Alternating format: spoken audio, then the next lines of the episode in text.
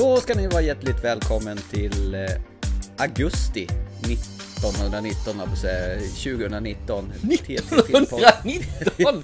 Jävlar! Jag kommer ihåg det som igår. Det var sommaren 1919. Och det hade man inte 2D, det var det en D bara på tvn.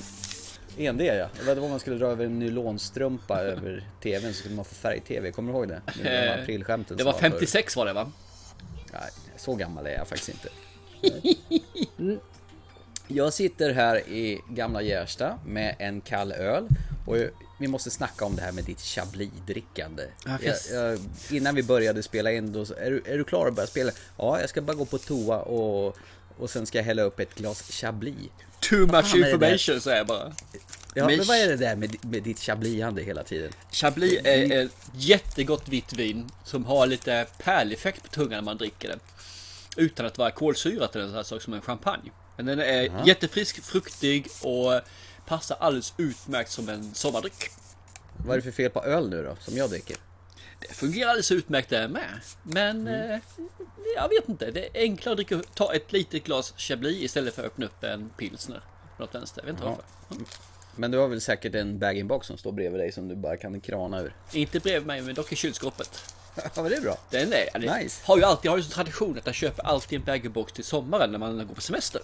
Och den är slut innan, innan första helgen eller? Tänkte säga de senaste tre somrarna så har den inte varit slut på hela semestern. Så att, eh, annars brukar jag innan ta och smutta liksom i mig en, en baggerbox på fyra veckor.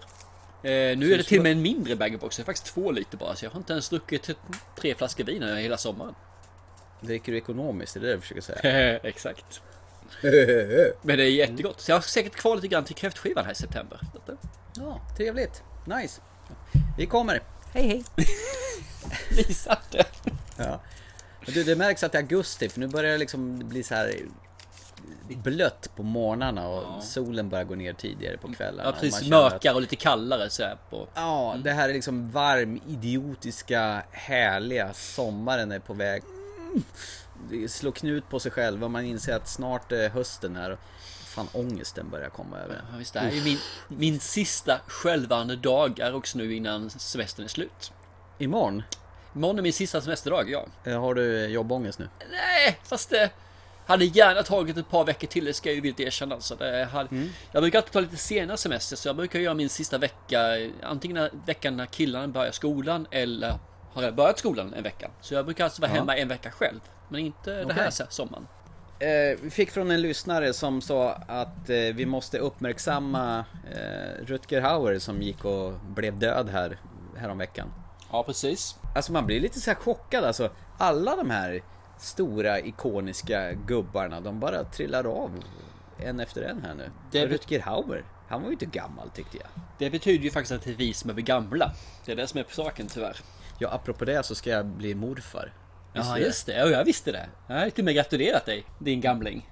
Det hörs lite grann på din röst nu faktiskt. Det börjar bli så här lite darrande, skorrande som den här äldre männen alltid har. Nej men vad fan, det gör jag väl inte? Jo, men du sa det. Jaha, välkommen till Thomas, Thomas filmpodcast. Fan, du låter sådär bara för att tanka massa vin på din sida. Jävla Ja. fyllegubbe. Men jag är inte gammal i alla fall. Poddmorfar, hur låter det? Den har inte jag tänkt på själv. Det får Nej. nästan be det ju. Hela Ja. efter går du under namnet PM. Poddmorfar. PM. Ja, Poddmorfar. Jag skick, Jag skickar, PM skickar ett, jag skickar ett mejl till PM. Kan vi inte prata om Rutger Hauer istället? Vad fan Visst drog jag upp det där det. för? Ja men det Ja. är fantastiskt kul. Karln var född 44 och död 2019. Ja. Det är ju... Nej, tragiskt. Ja det är jättetråkigt sådär. Men det, det är så Mm. intressant när jag såg, såg den här annonsen med att han hade gått bort. Så säger man då Co-star in Blade Runner. Eh, Ja. är, är det verkligen det vi ska komma ihåg han för att han var en bifigur? Ja, bifigur, bifigur, men han han hade i alla fall inte huvudrollsinnehavaren. För det var ju Harrison Ford. I, Ja. en, I en film.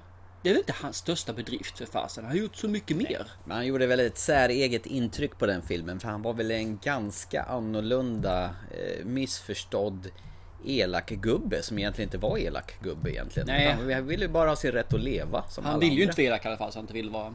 Men jag Nej. anser ju fortfarande att när han gjorde Liftaren så tycker jag den är ju förbaskat mycket större skådespeleri för honom alltså. Jag skulle just säga det. Var någonstans eh, kommer du ihåg Rutger Hauer från början? Eh, Jag tror att den första jag såg honom i Antingen var det Liftaren Eller så var det faktiskt Blind Fury Blint raseri, Ja. den här när han är blind och är en fena på att vifta med samurajsvärd. Ja, eller så var det Blade Runner Någon av de tre, jag kommer faktiskt inte ihåg vilken jag såg först Nej, Blade Runner kommer, kommer först av de här tre i alla fall. Den kom 82. Det är nog Blade Runner kom- så först faktiskt Liftaren, jävlar vad jag såg om den när den kom på... ja, Han var ju så grym med den filmen, helt meningslös våld också Och han jagade han C. Thomas Howell. eh, Så han tog upp honom och sen trackade honom genom hela filmen. Och så drog han isär hon den där tjejen mellan två långtradare. Gjorde man inte en remake på den här filmen, Liftaren också? Ja, med Sean Bean, han, eh, från eh, han som dör i Game of Thrones. Oh shit, spoilade det. Alla dör i Game of Thrones tror jag. Så det är väl ingen spoiler. Kan Precis du hålla alla- käften? Jag har inte sett den än. Ska du vara lite tyst med Game of Thrones? Det är fortfarande halvåret. Jag menar bara att generellt sett så dör alla i Game of Thrones. Nästan alla. Alla kanske, inte. Du är en jävla spoilermorfar, du vet om det va? Det, nej, det är den här gamla bitterheten. Ja, men inte jag ska veta hemlighet ska ingen annan ha en hemlighet heller. Passa vad bitter du är. Va? Men vad fan, det var liftan vi pratade om. när Är det här åldern som pratar nu eller? Men det var ju du som sa att det var en remake och då ha- hamnade jag in på Sean Bean och han var med i Game of Thrones som spelar eh, Stark, han som blir av med huvudet i första säsongen. Det har du väl sett? Ja, ja. Men eh, fan, den var bra Liftan. Den, Ja. eh, det här när, när han slänger ner en tändsticka vid macken och han eh, killen får springa som fan. Jag kommer ju mest ihåg just det här med lastbilarna som drar isär. Pommes fritesen och fingret då. Ja, ah, just det, den också. Fasen, vad länge sedan jag såg den här filmen. Ja, se om den då. Ja, men jag ska nog kanske göra det. Kanske bli en pappa son-film, varför inte? Men eh, Blade Runner i alla fall, han, hans tal han har i slutet innan Mm. han säger Time to die. Det, det impro, improviserade ju han helt och hållet. Mm. Det är ett jättelångt tal också som han improviserade rakt Ja, upp och ner. en riktig flumgubbe där. Men det, det är bra. Det är nice. Han- gjorde den riktigt bra. Den är ju första riktigt bra bad guyen som man kommer ihåg alltså. Och det var ju som sagt en sån här film man såg om och om och om igen för man tyckte han var så jävla badass. Det var ju nästan som man hejade på honom tyckte jag. För att han var... Han skulle fan ha fatt på den jävla töntiga killen han jagade. Tyckte jag i alla fall. Så bara tittade i en kamera och såg om de eh, vände upp sköldpaddorna på rätt på, som låg på rygg. Eller inte. Ja, kommer du ihåg Lady Hawk då? Den han spelar mot Michelle Pfeiffer. Hon eh, blir någon jävla örn på nätterna och han är någon varg eller något sånt där. Har inte sett den. Har inte sett den. Har du inte det? Nej. Nej. Alltså en korthårig Michelle Pfeiffer. Mm, hon var fin då. Okej. jag ihåg. Ja, ja. Nej, den, Den här, den här Wedlock då, när han springer runt med ett halsband runt, runt halsen. Den var ju rätt trevlig tvungen- faktiskt. Ja, och han är tvungen att springa med en annan tjej med samma halsband och Ja. kommer de för långt ifrån varandra så exploderar Bara- huvudet på dem. Först började den väl bipa och sen så kaboom. Vilket jag aldrig fattade Den- varför man hade att han hade två stycken personer som skulle göra att de inte rymde. Det är bättre att ha liksom en person plus en stor bunker och alla som går för långt ifrån den här bunkern exploderar istället. Det var så mycket Ja. bättre ju. Men ja, ja, ja. men Nej, men det var. Tyvärr så ha- hamnade han lite grann i ett fack. Eh, B-filmsfacket. Jag vill inte gå, eh, gå och trasha ner B-filmer. Men Nej. jag tycker det var lite synd. För han skulle fått chansen tycker jag. Att gå upp på lite mer, ja, lite mer dyrare filmer. För han hade faktiskt skådespeleri som fungerade riktigt bra. För han gjorde de här riktigt läskiga figurerna. Han gjorde komedier, han gjorde action. Eh, Drama vill jag inte säga egentligen. Men han kunde i alla fall spela några karaktärer. Hobo with a shotgun på senare tid. Ja, 2011. precis. Ja. Sista jag kommer ihåg är någon som var en film som tyckte om om man säger så då. För Hobo with Shotgun, Mm. äh, inget vidare. Men vad då? Han vill ju bara köpa en gräsklippare så han kan klippa sin gräsmatta. Ja, ja, ja. Men jag tycker annars eh, Sin City, där han ger via biskopen där. Den tycker jag ju är riktigt, riktigt nice. Så det var ju min eh, religiösa upplevelse. Men det är ju inte han som får ögonen utpressade. Jajamän, huvudet, huvudet av huvudhugget också. Så att, eh, Du gillar såna här perversa Ja, grejer va? det här måste ju du veta om. Du som är eh, fanclub liksom nummer ett. Du, du är ordförande, sekreterare och halva fanbasen i hela Sverige. Oj, Buffy, eh, vampyrdöraren. Han var ju faktiskt med i Ja, den herregud. Han var ju någon eh, vampyrgubbe i den. Ja visst, eh, Lothos eller vad det hette någonting va? Det hade jag faktiskt glömt bort han var Ah. med Men när du säger så. Ah. Jag klämde ju hela jävla den serien. Sträcktittade ju. Att jag Michelle kunde det och inte du nästan lite... Jo. Men vadå, har du också tittat på Buffy eller? Alltså inte lika eh, hardcore som du gör liksom, som har henne tatuerat på vänstra skinnkalvan. Ja, men herregud, jag, jag, jag köpte ju faktiskt alla DVD-erna och samlade på dem. Ja, precis. Ja, ja, samlade precis. Du är en av de få som har tittat sönder en DVD-skiva alltså. Ja men vad fan! Du, hon i, eh, vad heter det, American Pie är ju med också och How I Met Your Mother, hon mm. Mm. Afloat, Bandcamp. Hon blev någon häxa va?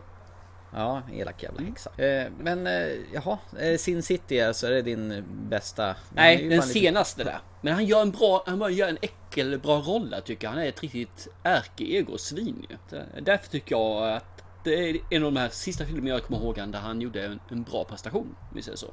Även om det är en rätt jätteliten roll. Han var faktiskt med i en sväng i True Blood också. Den här vampyrserien eh, som Alexander Skarsgård var med i. Okej. Han, han var nog en vampyrgubbe där med. Han, han spelar ju ofta såna här badass holes gubbus. Ja men han hade det utseendet lite grann ju. Lite synd som sagt var. Det, det går liksom inte att kasta han i, i gulliga roller. Inte lätt i alla fall. Inte- Nej, inte direkt va. Det är ungefär som att ge Daniel Trejo en snäll roll. Men i och för sig det har han gjort i den här uh, Spy Kids. Det är han ju en snäll morbror eller något sånt där. I Spy Kids? Ja, han Daniel Trejo. Det Ja, Trejo. Han, indianen som ser eh, ärrig ut i ansiktet. Machete. Machete Kills. Yes. Det som är intressant är att han har ju faktiskt x antal filmer här som han kommer att komma till också ju. Så post mortus. Ja, Rigos precis. mortus.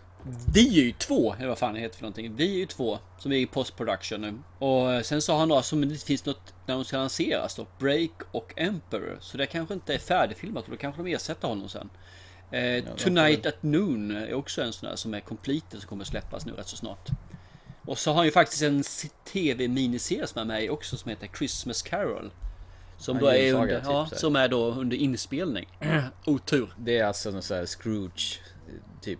Ja, jag antar att det är något sånt där ja, precis. Ja, den heter väl Christmas Carol oftast. Ja, det gör det Det är säkert. väl, det är väl en sån här, eh, rätt många filmer med en jävla Dickens historia och sånt där. Kanske. Ja. Nej, inte fan vet jag. Nej, men, så han har och jag tycker det är- det lite så här makabert när det blir att de filmerna släpps efter de döda. Men det är ju inget konstigt. Mm. Det är klart att det händer när de är aktiva skådespelare såklart. Det var väl likadant med, eh, vad heter den? Nanu Nanu, Good Morning Vietnam, Mork och Mindy. Ja, jag vet. Eh, Poeters döda poeters ska- sällskap, Robin Williams. Ja, tack. Han, han, han släppte ju också ut eh, ett gäng filmer. Ja, det var ju en tre, fyra filmer där som han släppte efteråt. Eller han Ja. släppte om han var med. Tack Rutger Hauer för eh, att du har berikat filmvärlden med många minnesvärda roller, säger vi då. Ja, under ungdomen var han ju faktiskt riktigt förbaskat nice. Det ska man erkänna. Mm. Sen så i vuxen ålder, där har han nog inte funnits med jättemycket. Liftaren, Det, ja, Blade Runner, Blind Fury, det är mina tre toppfilmer med honom. jag håller nog med där också, faktiskt. Bra jobbat. Jajamän. All those moments will be lost in time. Like tears in rain. Time to die. Ska vi eh, gå vidare? Nej, det ska vi inte. Kan- Jo, vidare ska vi göra. Men vi ska inte prata om några filmer som är nya. Vi ska prata om en film vi redan pratat om. Det, alltså, det blev ju så himla tumult efter vi eh, såg Midsommar i förra programmet. Vi passade ju på att spela in podden innan vi skulle se filmen och sen efteråt försökte vi så här druckna och omtumlade och försöka bilda någon slags uppfattning typ två minuter efter jag hade gått ut ur biosalongen. Försöka koka ner det i massa tankar om vad vi såg egentligen i två timmar och 27 minuter. Visste du förresten att det kommer en Directors Cut som är 20 minuter längre än den vi såg? Jajamän, det vet jag om. Det ser jag fram emot. Den vill jag se. Och sen höll vi, kom de och tjatade på oss och tyckte att vi skulle gå därifrån för att de ville stänga biografen. Och du flög blev- upp i sätet. Ja men vad Absolut! fan, jag, blir- jag, jag, jag res, som, som att jobba i handel så respekterar jag när folk vill gå hem. Det vill ju en annan också göra när de stänger. Men eh, ja, det vill inte du. Det sket ju du i. För du är ju en sån där som bara, äh, vi håller väl på att vi är klara. Nu är det så här att vi är faktiskt rätt kända på Filmstaden här i Örebro. Så de vet vilka vi är och vad vi gör för någonting. Och de där jävlarna. Man såg ju ansiktsuttrycket. Fy fan, ska de där sitta och hänga här igen? Nej men jag tror de tycker positivt. För de, de har pratat med min sambo och, när hon har varit där. Och de sa ja, ja, jo, jag har sett det. De tyckte det är rätt kul faktiskt att vi är där och gör det här. Så jag tror inte det var något problem för dem överhuvudtaget. Det må ha hänt. Men- Astes Midsommar Midsommar. då. Mm. Eh, Som är helt inspelad i Ungern och i Utah i USA. Utan Precis. en enda svensk millimeters mark beträdd av de här nissarna. Och jag är fortfarande sur för det måste jag erkänna. Det är riktigt jäkla hemskt. Va- Varför kunde de inte vara i Sverige?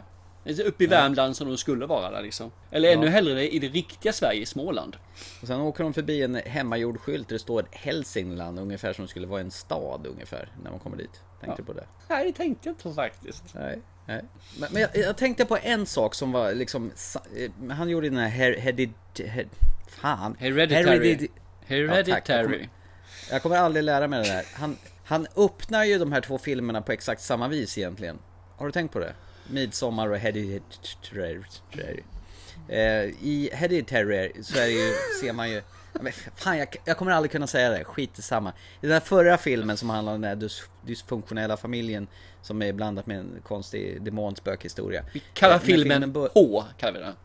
Ja, filmen H ja. Mm. Bra. Kanon. I filmen H så öppnar man ju för att se att kameran panorerar in i ett dockskåp. Kommer du ihåg det? Och så Mm. Ja, slängs det. Ja. man in i, i den här världen och för att visa liksom att det här är någon slags en värld du åker in i. En alternativ är det inte på riktigt utan du åker in i den här världen. I Midsommar så öppnar det ju med den här stora det är en stor bild på någon sån här svenskt midsommarfirande, en sån här väggmålning eller väggtavla som sen öppnar sig. Ungefär som att nu sugs du in i den här världen. Han är väldigt så här mån om att visa att nu åker du in i en alternativ värld som inte är på riktigt. Tänkte du på det? Inte förrän nu när du säger det faktiskt. Tänkte jag inte på för i Hereditary hade jag glömt bort den här. Jag upptäckte att jag Ja. kan uttala filmen va. I Hereditary så hade det här med dockskåpet var ett jäkla fint grepp eftersom då dockskåpet var precis utformat som huset. Ja, och så blir det ju ett rum när någon ligger i någon säng och så går det över till Ja. deras värld. Och det var, ju- här- var ju det- riktigt i den nice här- när de hade det i filmen Hereditary, det måste jag erkänna. Ja. Och i den här så är det den här väggmålningen som öppnar sig och så Ja. börjar filmen. Det är ungefär som att vi, vi hoppar in i ett par fantasivärldar. Åk med nu på resan. Ja, men jag köper det. Absolut, det, det var Mm. nice faktiskt. Det, jag har inte tänkt på det viset, men eh, ja, absolut. Då ser man. Ålderns sanitet så har du upptäckt någonting. Och sen verkar det ju vara så att han är jävligt intresserad av att skildra kvinnor och deras lidanden egentligen. I förra filmen så var det ju hon mamman som eh, fick dra det tunga lasset efter sin knäppa morsa och sen blev ju hon sakta men säkert knäpp också. Eh, Och i den här midsommar så är det ju full fokus på kvinnorna medan killarna är ju bara puckon.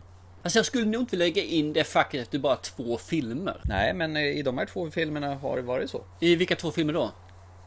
Eh, Midsommar och Heritage. H-filmen menar jag. Fy fan. Det är- Men hon Florence Pugh... P- Pugh? Pugh? Pubes! In- inte Pugh. Du, du har inte din starkaste kväll här inte måste jag säga. Herrera och pubes. Ja. Jag tyckte hon var skitbra, hon som spelar huvudrollen. Mm. Hon, hon, hon är jävligt duktig på att visa smärta och gråta och ser alldeles fördärvad ut. Det- Saken är att hon går ju en fin, fin linje med att alltid se trumpen och tjur ut. Som i eh, den här Aliens Covenant. Som hon lyckas med Ja, den. Men, men den, hon är på rätt sida om eh, grässtrået om vi säger så. Och sen så har hon ju helt fantastiska ögon. När hon kommer ihåg fortfarande när filmen zoomar in hennes e- ögon. Man bara ser ögonen. Fy fasen vad vackra de är alltså. Det är helt makalöst. Det finns ju en miniserie som är baserad på någon bok som jag inte vet vem som har skrivit den som heter The Little Drummer Girl. Och där har ju hon huvudrollen. Jaha, Eh, okej. Jag har hört jättemånga som har sett den. Jag tror den har gått på SVT dessutom. Mm. Eh, Så möjligtvis att den finns på SVT Play. Jag tror jag sex avsnitt. Ska tydligen vara svinbra och där spelar hon huvudrollen. Okej, coolt. Men eh, när den har fått smälta lite grann Ja, nu precis. filmen då. eh, Gav det dig några liksom andra intryck och sådär? Jag tror att den har mer befäst intrycket jag hade från biografbesöket.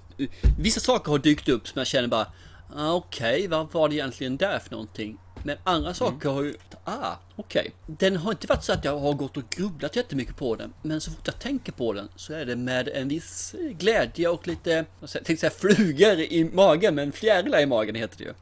Det blir lite så här, men det, det, fortfarande en jätteskön känsla när jag, ser, när jag ser tillbaka på filmen. Och jag ser verkligen fram emot att se den en gång till. Mm, Jag med, och det är inte ofta Nej. jag känner så. Utan ofta så här, okej jag har sett den, det räcker så. Men här, på något sätt, skapade någon slags mersmak att man vill tillbaka in i den här knäppa världen. Ja. Och det de gjorde helt rätt är att, att kasta ett gäng svenska skådespelare för, out, för att det skulle kännas äkta också. Precis. Jag tycker det var riktigt bra. Och de här sjuka ritualerna som de har. Och de liksom la till väldigt mycket detaljer när de kommer till den lilla byn där de ska fira med här midsommarfesten i nio dagar. Det är mycket sådana här visuella detaljer och ljuset och allting. Så att man sugs in i det och det känns väldigt... Jag, jag känner mig jävligt närvarande i det här. Och den, den är ju obehaglig på så sätt att den man inte riktigt vet. Man vet att allting ska, kommer gå åt helvete. Det har man ju fattat från början. Men de verkligen ser till att man sitter där och känner sig olustig genom hela filmen. Det är fan starkt gjort att kunna få en känna så.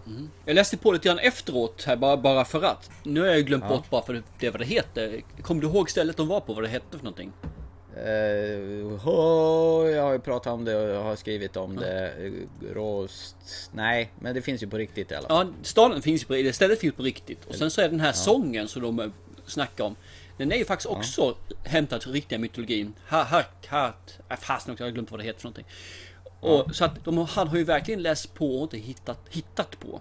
För alla de här legender, sånger och allting finns ju då. Sen så tra- Ja. äh, re- religiösa ceremonierna och sådana saker, den är ju klart rätt så fabulerad. Men eh, jag tycker om att grunderna basen är hämtad från de gamla eh, legenderna som finns då. Så att, eh, Som, nice. som ättestup, ättestupa då. Ja, ett stupa är en sak till som sagt var. Men det måste ju vara jävligt märkligt för amerikanare. De kan ju inte ha en jävla aning om vad det är för någonting. Eller när de säger att någon är byxmyndig. Jag tycker det är kul att man använder just det svenska ordet byxmyndig. Ja, Hon blev byxmyndig förra året. Ja, men äh, de ju liksom till och med när de sitter och äter. Det finns ju en scen när alla väntar på att man ska börja äta. Och ingen får ju börja förrän någon specifik börjar. Och själva stolformationen, det är ju inte bara liksom att de har dukat långbord utan de har gjort det i någon slags konstellation med någon mönster och grejer. De har liksom tänkt på mycket detaljer och sånt där. Mm. Nej, jag är fan helt såld på den här filmen. Men däremot har jag läst, jag såg, de har ju promotat den här filmen ganska hårt i sommar och det dyker upp i flödet. Så här, se sommarens eh, chockerande film.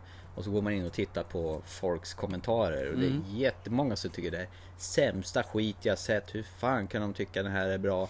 Och folk bara kräks på den här filmen. Men jag undrar om det är generationen som är yngre än vad vi är som tror att de går in och ska få en riktig jävla otäck skräckfilm, slasherrulle och så får de någonting helt annat. Men men jag tror det är en liten eh, poddmorfar där. Det, det var du förresten. När, när du går in och tror att du ska se en film. Vad du ska få för någonting och så får du inte det.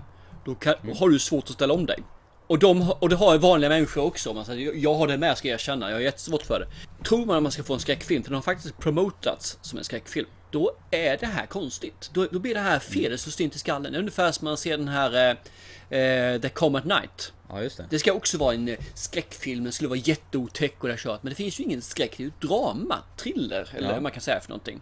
Psykedelisk kanske, eller psykologisk. När de gör på det här viset så är det fel personer som går och ser den och då får du dåliga recensioner, dåliga reviewer. Och det är så jävla synd istället för att promota den för den vad det egentligen är. Och så går folk och ser på den för den är för någonting. Ja, man ska nog sälja in det rätt kanske. Ja, jag inte. tror på det. Sen ska jag väl erkänna att ser man trailern så tycker Mm. jag att man får precis det som trailern visar. Det, Okej. det finns ingenting så här jätteskräckscener i, liksom, i, film, i trailern. Ja, just det. Nej men den, den har bara vuxit, den har befäst sig, den har liksom eh, grott lite grann och rotat sig i sinnet. Mm. Precis som det var efter biobesöket. Lite rundare, lite eh, lägre, men känslan är densamma. Han den här killen som heter Pelle förresten, som spelas av Willem Blomgren. Ja. eh, Han gör stor succé på HBO i en HBOs första sven- helsvenska tv-serie som Lucas Moodysson har gjort. Han, serien heter Gösta. Han är tydligen någon sån här Okej. psyk- psykolog eller någon kurator någonstans. Han är så jävla genomsnäll så alla utnyttjar skiten ur honom. Ska tydligen vara väldigt bra. Lucas Moodysson brukar ju göra rätt så bra grejer också. Ja, lite kufiska saker brukar han kunna göra. Den, serien har tydligen blivit jättepoppis. Sen Okej. blev jag sugen på att kolla på. Ja. En parentes. Du får göra det och se vad, vad det är för någonting. Ja, nej men då kan vi konstatera att Midsommar den, den sj- sjunker ner i sinnet och bara växte. Fan vad bra det här var. Ja, jag håller med. Håller med. Jag skulle ju nästan kunna säga att den fastnar i alla fall på en av årets bästa filmer, tycker jag. Ja, hittills så ligger jag eh, inte överst, men den ligger i toppskiktet. What do you think? It's like another world. Amazing. Do people just sleep here? Yeah, all the younger ones until we turn 36 and then we move to the laborer's house. Why 36? Well, we think of life like the seasons. So you're a child until you're 18, and that's spring. And then at some point, we all do our pilgrimage, which is between 18 and 36, and that's summer. And then from uh, 36 to 54, we're a working age, which is fall. And then finally, from 54 to 72, you become a mentor. What happens at 72? Då så, då... Äntligen ska vi gå in på dagens filmer som vi egentligen hade tänkt att prata om. Ja, precis. Eller äntligen ska vi inte säga. Jag tvingade dig att se den här filmen. Jag tyckte det här verkar ballt i och med att du gillar Rachel Weisz. Och inte helt jäkla otippat så spelar hon en karaktär som heter Rachel i My Cousin Rachel. She's here. I believe she drove my cousin to his death. What are you going to do with her? Confront her. Come in. I've been doing a little asking around. She's notorious. I'll go to bed like a good boy. How easy it must be for a woman like Rachel to twist you around her little finger. You're infatuated with her. Stay away. You could lose everything. Everything. My cousin Rachel, rated PG 13. Hörru du, Rachel Weisz. Det är ditt nya onanioffer höll jag på att säga. Gud vad du gillar henne efter de här filmerna vi sett. Den här uh, Disobedience och The Favourite och... Uh, vad du gillar Rachel Weisz, eller hur? Ja, men hon är bra. Det håller jag Max med om. Ja. Ser fram emot henne när hon ska spela in den här filmen Black Widow. Ska hon vara med där? Japp. Det, det ska faktiskt bli riktigt nice att se. Hon ska spela en person som heter Melina Vostokov. Shit, då är två kvinnor som du kommer gilla. Jajamän. Vem är den andra då? Ja, det är ju eh, hon där goa från... Fan, vad heter hon nu igen? Från, eh, från Avengers. Eh, Black Widow. Inte Uma Thurman, utan den andra. Det här är rätt kul faktiskt. Ska jag rädda dig eller ska jag... Nej men vad fan, Ska du är komma på det? blond, stora läppar och ser fuktig ut. Nej fan. Hur lät det där förresten? Ja precis, jag tänkte säga ingenting. Hon heter... Äh, vad börjar Scarlett Johansson. Där, ja. Heter hon ju. Fy fan vad det tar tid ibland innan hjärnan kopplar ihop sina Men det är synapser. rätt kul sådär. Ja, men skit i det. Förklara vad min kusin Rachel från 2017 handlar om. Den finns faktiskt en eh, film från 1952 Mm. och en tv-serie från 80-talet, 1983, som eh, bygger på exakt samma sak. Så det här är tredje adaptionen av samma sak. Det är väl en novell från början. Ja, så är det. Filmen och novellen handlar ju egentligen om... Vi kan börja från början. Det här är liksom en, en voiceover där det finns en person, en kille, som pratar om hur han föddes och att han eh, blev föräldralös. Och att det då var en eh, man som tog hand om honom. eh, Förbarmade sig över hans öde och tyckte liksom att du ska få leva upp drägligt. Så tog upp han och uppfostrade honom som sin son mer eller mindre. De har väl bara varandra egentligen. Eh, saken är den att eh, hans, ja kusin kallar man honom också för den delen. Ja, det, är- det är konstigt. Det ja, du... lite grann sådär. Han blir i alla fall sjuk och behöver då komma till ett varmare breddgrader för hans doktor ordinerar ju det. Och där- Italien. i Italien. Där träffar han ju en tjej. Hans, ja, den här kusinen då, som sagt, han som har adopterat honom. Och han är överlycklig tills det börjar komma massa brev som säger att jag försökt skriva till tidigare men hon övervakar mig hela tiden. Och sen så börjar den eh, bli ännu mer liksom, hon tar död på mig. Kom snart du kan. Han, Hon är din han, han åker dit så fort han bara kan och då är ju morbrorn, eller morbrorn säger jag, kusinen. Eller den som har adopterat honom, är då redan död. Och hans fru, som han gift sig med, henne Rachel då, har då lämnat staden, landet, ospårbart jag säga. Han blir ju vansinnig för han är ju övertygad om att hon har ju mördat honom. Och han åker hem igen och på reda på att han får ärva allting. Hon får inte ärva någonting utan han får ärva allting. Så att motivet för att hon ska ha tagit död på honom är lite luddigt. Men ja, eh, ändå. Han är arg. Sen går det en tid Och helt plötsligt så tar hon kontakt med honom och säger jag är på väg att besöka er nu här. Är det okej typ? Och han eh, säger att nu ska hon ju hållas kort. Hon ska inte få mat förrän jag kommer hem. Ge henne ingenting. Han kommer dit där och ska då egentligen läsa lusen ur henne. Men på något vis är hon inte den personen som han föreställer sig. Hon är vän, hon är vacker. Hon är väldigt ödmjuk. Hon är väldigt inte det han trodde sig se och veta att hon var. Och han börjar ju ana det, men vänta lite grann. Hon kan ju inte ha mördat honom. Och det börjar utvecklas en relation där han börjar fatta tycke för henne. Ja, relationen börjar utveckla sig och sen så börjar det, det blir det en kapitel 8-lek efter det. Vem är god? Vem är ond? Vem har rätt? Vem är fel? Vem har mördat? Vem har inte mördat? Vem kommer att mörda? Och det. det får man väl uppleva i filmen tycker jag. Den svängningarna som det här utspelar sig. Ja, det är väl en liten eh, lågmäld berg och dalbana. Man kan säga det är nyckelpigan på Gröna Lund, det är inte Helix på Liseberg direkt det här. Alltså Nej, det här intensitet. är en slow burner. Det är nästan eh, morfarsbilarna alltså. Ko- kostymdrama skulle jag säga. Ja, det är det. Absolut. Och en, en drama i ordet. För ja, jag vet Ja. inte om det är mer än drama egentligen. Men vad säger du? Nej. Ja, men alltså jag gick, jag gick in för mig att jag trodde att det skulle vara en mordhistoria där. Att eh, det var något slags mysterium. I och för sig så går den som ett mysterium. Ja, Men där- drama, men- mystery och romance går den på IMDB. Men det jag inte fattar med den här filmen, ursäkta, jag kanske är trög eller någonting. Den här som han har bott hos och, och eh, tagit an honom har ju kallat sig för sin kusin. Och, och sen kom ju hon där som också är kusin. Så jag får, jag får liksom inte ihop relationerna. Jag kände när jag såg den här, för, fan är jag trög eller? Jag fattar liksom inte vem är släkt med vem och varför. Det handlar inte om släktskap i det här fallet. Det handlar om att ta hand om. Ja. Eh, det blir lite avstånd, alltså blir det kusin om man säger det här fallet. Eftersom hon är gift med honom så blir det kusin. i också som han är. Ingift kusin. För han är ju inte adopterad. Nej, Utan han är ju bara omhändertagen. Alltså blir han ju inte son. de är egentligen inte riktiga kusiner med dem. Nej, kusin- utan det är liksom ett... Du är nära som en kusin då istället. Nej men det är som du säger, hon kommer ju vän och är alldeles jätteförsiktig och ursäktar sig och, och han, Philip, som är jätteanti från början och sen faller pladask för henne. Vilken svängning det blev där. Ja, absolut. Eh, Mm. Ung man som eh, har känslorna utanpå om vi säger så.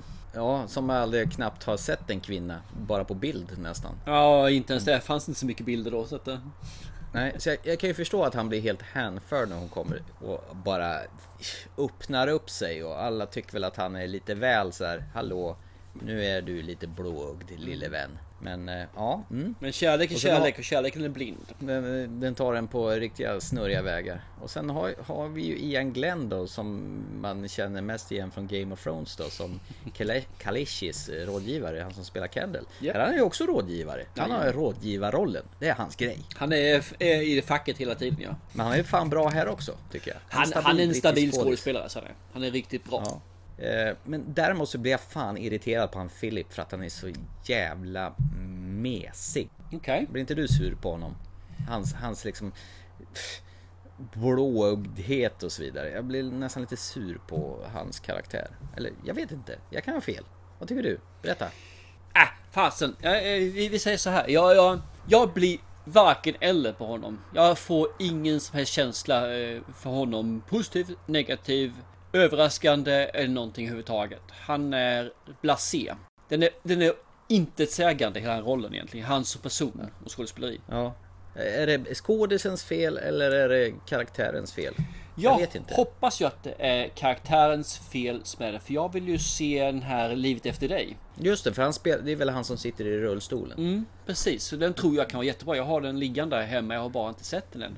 Det är Kalishi från Game of Thrones eh, tar hand om honom. Mycket Game of Thrones, precis. Så den hoppar, jag hoppas verkligen att det är karaktären som gör det. Men jag köper liksom inte han som person, som karaktär eller hans agerande överhuvudtaget. Nej, jag gör inte det heller. Det är det som är problemet. Jag blir ju skitstörd på honom. Jag tycker att han är mesig och han beter sig svinaktigt ibland. Och, alltså, alltså sympatin för honom är ju noll. Den är ju minus 10. Den är ju så kall så att Fan, jag skiter i om han lever eller dör eller om han blir upplurad på läktaren eller någonting. Nej, fy fan vad jag inte tyckte om den karaktären. Blä. Du, bara, bara medan vi håller på och kör eh, Game of Thrones eh, anekdoter i filmen här nu. Eh, det är ju så här att Rachel Weisz red ju på en vit häst genom filmen. Ja. Och gissa, gissa, den hästen är faktiskt tränad för att agera i Game of Thrones. Har de lånat hästen från Game of Thrones? Nej, också? den har inte lånat den utan den, den har ju varit med i Game of Thrones. Jaha. Så den var tränad där. Så att den att den är tränad om du rycker snabbt i sidan i grimman. Så är den tränad att lägga sig ner och spela död. Jaha. Och det visste inte Rachel Wise. När hon gjorde det så hamnade hon under hästen. Faktiskt satt fast där liksom. Halvt på Aj, halvt. aj, aj. Det kan ju ont. Så det är inte bara människorna som är med i Game of Thrones. Det är alltså djuren också här. Okej, det förklarar ju ett och annat. Ja, precis. Det gör det va? Ja. Jag säger ingenting. Shoot. Ja. Men vad tycker du om Rachel Wise då? Hennes eh, figur? Hon är fan härlig rakt igenom alltså. Jag, man kan ju inte annat än älska henne för den hon är. Alltså karaktären eh, Rachel Ashley. Hon går ju... Hon är duktig på att få folk att gilla henne. Det är hon ju. Och Hon är ju målmedveten och sådär. Men grejen är ju med filmen, man, man vet ju inte riktigt vad hon är för typ egentligen. Överhuvudtaget. Nej, och det är väl det som är meningen också. Ja, det är väl det som är meningen med hela filmen, så att säga. Man, man sitter ju liksom på halster och man vet inte alls vad du har henne. Och det är väl, det är väl jävligt ballt. För det är det som är meningen. Du ska ju kastas från att hon är bad guy, hon är oskyldig. Han är bad guy, Ja. han är oskyldig. Exakt, det Och- blir väldigt mycket fram och tillbaka. Ja, det skrivs väldigt mycket på näsan tycker jag. Det blir så övertydligt i eh, deras bildspel, i hur de filmar det filmtekniska. Så att nu är det det här, och nu är det det här, och nu blir det det här. Och det är liksom, man idiotförklarar publiken, tycker jag. Istället för att Ja. göra antydningar. Så hade det varit bättre att göra små rörelser är bättre än stora. Som nu, eh, vad heter då, Sarah, eh, Rachel Weisz gjorde med hästarna. Hon gjorde Små rörelser hästen inte lagt sig och spelat död. Utan då hade det gått bara att rida på den. I det här fallet så gjorde man stora rörelser och helt plötsligt la sig filmen ner och spelade död. Eh, Tyvärr är det mitt, mitt betyg på hela filmen. Den la sig ner rätt tid och spelade död. Ja, den reser aldrig efter det tyvärr alltså. För jag tycker den här filmen var urtråkig. Och fy fan, var det så illa? Ja, jag tyckte det här var liksom, det, det var som att se målarfärg torka innan man ens har strukit på den. Den ligger fortfarande i den här förvaskade färghinken. Om, om vi ska ta vad jag tycker då. Då är det ju så att Rachel Wise tycker jag är fantastisk. Men hon bär ju, kan ju inte bära en hel jäkla film egentligen. Och det är ju spännande att den här är gjord tre gånger. Och det är tredje vändan man gör ett försök med den här. Och sen han Sam Claflin som spelar Philip. Han är ju som du säger tråkigare än målarfärg torka. Jag blir bara sur, trött på honom. Jag tycker han är en jävla skit, en svin. Eh, synd om honom att han är uppväxt i, utan någon modersgestalter och bara haft en fadersgestalt som försvinner från. Visst, men han växer ju upp och blir ett jävla asshole tycker jag. Och jag känner, återgår igen till det här att jag känner ingen sympati med idioten i fråga. Och det blir som kontrast med att hon är jättebra, han är jättekass. Det går ju inte att tro på den här relationen för fem öre. Nej, Tyvärr. problemet är att jag kan inte ens försaka mig med att jag tycker att Rachel Weisz är bra i den här filmen. För att hon är inte så bra så hon kan rätta upp det här manuset eller hur man filmar den. För den är, det är så Nej. enkelspårigt. Så jag hoppas hon gick in, gjorde sitt jobb, cashade in pengarna och gick vidare till nästa underbara film istället som kommer med henne. Eh, Ja. Men varför gör man det här tre gånger för då? Kan man ju undra. Därför, därför det är ett romantiskt, det är ett kostymdrama och det har sin charm. Den här så skriptet alltså, den, den, den har en charm, den har någonting som tilltalar. Det är det här universala liksom att jäckande, vem är ond, vem är inte, vem är den som försöker att lura, vem är den som egentligen är ärlig. Men det som ser bra på pappret blev i alla fall inte den här gången bra på film. De andra två gångerna Nej. vet jag ju inte, men de här gångerna vart ju eh, inte något vidare. Då finns ju en annan bättre koreansk film på lite samma tema. The Handmaiden. Den kan man ju titta på istället. Ja, den är definitivt vackrare också som film. Men det är lite annorlunda film också. Det är ju mer en heistfilm egentligen. Ja, det är det ju faktiskt. Det är ju inte riktigt samma sak. Om vi säger så här då. Vi brukar alltid fråga oss. Eh, värt att se eller inte. Men jag tycker i det här fallet så vet vi redan vad som är värt att se. Men vi säger så här istället då. Vem kommer ha behållning av att se den här filmen? Eh, rödvinstanter kanske? Jaha, där hade vi verkligen ett Ja, distinkt. nej men eh, tjejgänget som har druckit lite rödvin kanske. Som eh, kanske uppskattar såna här Jane Austen-filmer. Kanske får sig en liten skön resa. Men är det verkligen det? Jag tror inte för Jane Austen-filmen har den här eh, elegansen och det här. Här är det liksom skitigt, muckigt och det finns inte det här galakläderna på det viset. utan Det är bara vanligt grått, beige. jag, tänk, ja, jag vet inte faktiskt. Nej, jag På funderade riktigt. på det och kanske den gruppen. Jag tror att de som är inbitna kostymdramaister som vill spela, se någonting som de inte har sett förut i det här. Men, säga de här som håller på med romantik och de som håller på med kostymdrama. De har inte sett så mycket av det här med twister och vändningar i filmen och de kan nog tycka den här är rätt så okej. Så jag tror den som, Ja, ja. film, som ser film väldigt sällan, eller i alla fall inte den här typen av film sällan, tror jag kan finna den här ganska uppfriskande. För den är ganska lätt, ganska... Den är som lättöl. Mer eller mindre lättmjölk. Så har du druckit mjölk så kan du inte börja med standardmjölk eller komjölk. Du kan gå in på lite lättare för att få smaklökarna att vänja sig. Och den här är lite grann samma sak som film tror jag. Så är du inte van- Minimjölk, Ja, den här gula skiten. lite grann sådär som inte finns längre förresten va? Nej, jag har nog inte sett den på flera år. Nej. Så inte veteraner bland filmsmakarna. Den tror jag kommer tycka den här är riktigt, riktigt bra. Eller riktigt bra, den tror jag kommer ha nytta av den här filmen i alla fall. Men jag tyckte ändå slutet var kul. Jag tyckte slutet var kul. Tyckte jag att det var. Vad tyckte du sa du? Att slutet var kul. Det, det var, det var, det var haha in your face slut. Men vad tyckte du om slutet då? Jag tyckte det var kul. Det gjorde jag.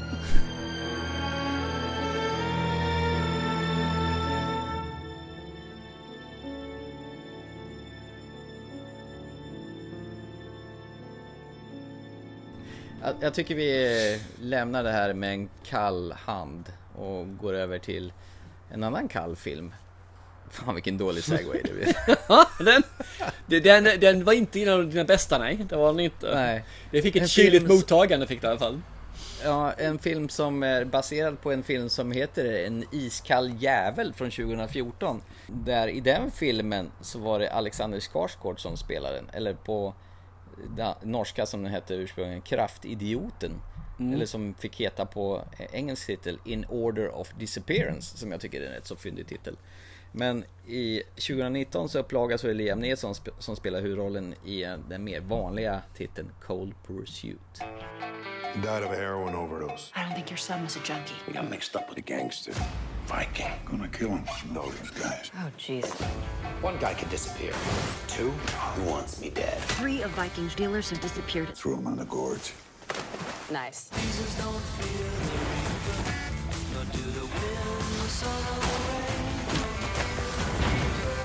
Aren't you gonna ask where he been? Cold Pursuit. Rated R. Only in theaters February 8th. Jaha, det här ska bli spännande. Det här är film nummer två som jag tvingar dig att se. Fan vad jag tvingar dig att se film i det här programmet. 100% av filmen har jag lidit hittills. Så att, eh, Men det här är lite spännande. Det här är ju som sagt bygger på en förlaga från 2014 där eh, regissören Hans Petter Moland har re- regisserat både den norska och den nya am- amerikanska varianten. Visste du att det fanns en förlaga? Ja, det, jag visste inte när jag såg den men jag läste på efteråt. Så att eh, Alexander Skars... Nej, inte Alexander Skarsgård. Stellan Skarsgård spelar Liam Neeson. Eller är det Liam Neeson som spelar Stellan Skarsgård? Jag vet Ja, fan. de spelar i alla fall karaktären. Vad heter han för någonting i, i den här filmen då? Vet du det? Kommer du ihåg det? Vad sa du? Kommer du ihåg vad han heter i den här filmen? I Vilken av dem? I- är den nya? nya, ja. Eh, Liam Neeson. Ja, precis. Han heter Nils, eller Nels Och efternamnet? Coxman. Precis. Och i den, norska, då heter han Dick någonting istället. Så det finns ju en liten lek med ord där kan jag tänka mig. Ja, Cox Dix. Ja, Dix Cox. ja. Men eh, Liam Neeson då? Vad sysslar han med i, i Cold Pursuit? Han plogar snö! Han är snöplogare. Jajamän, han håller vägarna öppna till civilisationen. Eh, och ser bister ut. Egentligen så är det ju ungefär samma ansiktsuttryck som man alltid har i alla filmer. Typ i Taken. Ja, eller Taken. Ja. Eller Taken 2 och 3. Ja, precis. Det, Eller The Grey kanske. ja, det är grejer. Fast här är, ja. Det där tycker jag fortfarande om honom. Så att, eh, Men faktum är att jag tycker om den karaktären i den här filmen också, så sett alltså. Eh, Och det, det jag ska säga med en gång är att jag satte igång den här filmen och, och var övertygad att jag skulle få se en, eh, en Taken, mer eller mindre en action alltså. Inte En Taken. ja, ja, men ja, lite grann sådär. Så du går runt och du, du mular folk. Och det ska vara en action liksom. Och det är ju inte vad den här filmen är. Och jag tycker det här är ju liksom en komedi. Det är ju en Ja. svart komedi, actionkomedi. Vi kan ju dra lite grann vad det handlar om. Hans Ja, son eh, råkar ju hamna mitt i någon sån här knarkaffär eh, som någon knarkpolare tar med honom och så blir han mördad och inskjuten med massa heroin då. Coxman eh, får reda på att sonen har dött och han vill naturligtvis ta reda på vem det är som har gjort det så han får hämnas på den personen. Ganska enkel handling. Och Det- samtidigt så kör han eh, snö, eh, skottar snö på vintern så att folk kan åka bilar på vägarna uppe i... Undrar var fan de är någonstans? I Alaska eller var fan är de någonstans? Eh, Det kommer jag inte ihåg nu, men fast jag läste ju på det. Men vi säger Ja. Alaska, gör vi för säkerhets skull så är vi ju... Ja. Ja. De är vid någon jävla turistort i alla fall. Vid någon sån här skidortshotell. Eller hur? Ja, ja, ja, ja, jag trodde du skulle fortsätta. Jag väntade på att Ja, du skulle göra det. Ja. Han blir ju skitförbannad och börjar leta i hierarkin från längst ner och eh, börjar städa bland de här knarkkartellen då. Visst, det är jultomten och det är vad de heter, mer för någonting. Belzebub tänkte jag inte alls, det är Limbo. Och de heter... Nej. Alla har såna här jättekonstiga namn i alla fall. Speedo, Ja. Limbo, Dante och all mus- ja, de heter allt möjligt jävla lattjo. Jajamän. Wingman finns någon som heter också sen. Ja, och mitt i alltihopa här så lyckas han dra igång något gängkrig mellan ett gäng kriminella indianer och de här knarkhandlarna. Ja, ute-indianer var det va? Ute. Förlåt? Ute-indianer, ute. Ja, e- exakt. Tidigt in i filmen då får man ju se så fort någon dör så dyker det upp eh, namnet på den som dör och ett litet sånt här kors med svart bakgrund. Ja, och det fattade inte jag första gången hon dog. Att det Jag trodde att nu kommer rollistan. Ja. Eh, typ så här, vem, som, vem som är med i filmen. Ja, bara så här. lite så här, vad fan? Och sen dök det upp igen när nästa dog. Och bara, Jag bara, aha. Så jag trodde först, jag trodde det var kapiteldel så jag trodde liksom. Så att jag blev jätteförvånad. Så, och sen när man fattade det så bara, aha, okej, Ja. kul, kul liksom. Men det som är så jävla spännande med den här filmen att när den börjar så är den ganska gravallvarlig och man känner fan det här är en nattsvart film där, där han ska hämnas på diverse brutala vis. Men sen kommer den här sakta men säkert den här svarta humorn in på massa olika ställen. Saken är den är ju fortfarande allvarlig, grå och stillsam när inte humorn är där. Ja, Så det, det, det är verkligen att, ja men nu tänder vi lampan och släcker vi igen. Och så tänder vi lampan igen och så släcker vi. Så att, och det är ju ganska grisiga sätt eh, han, han avlivar de här på. Och ganska grafiskt också. ja. Det är lite grann, eh, jag vet inte, har du sett den här förresten med Mads Mikkelsen, eh, Polaren? Ja men det har jag, Ja. absolut. För jag, det var den jag hade i, i åtanke när jag såg den här. För jag tänkte, den här filmen, eh, i och med att du har pratat ner Liam Neeson så pass jävla mycket på sistone. Mm. Kanske får en litet uppsving med det. Så det ska bli intressant att se vad du tycker.